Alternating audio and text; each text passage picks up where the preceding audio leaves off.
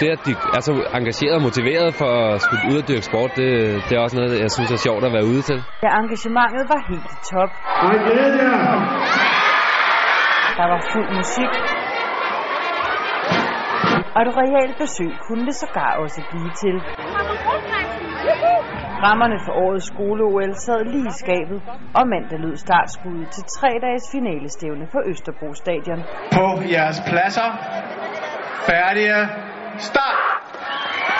På sidelinjen fulgte ambassadør for skole-OL og OL-deltager i hækkeløb i London sidste sommer, Sara Slot med.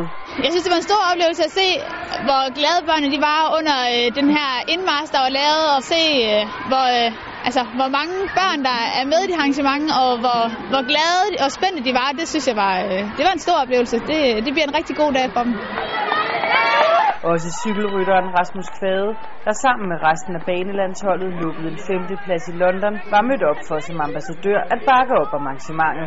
Det har jeg valgt, fordi der er så mange glade børn, og man kan jo ikke andet end at blive selv i godt humør, hvis det er, at man er ude til sådan et her OL.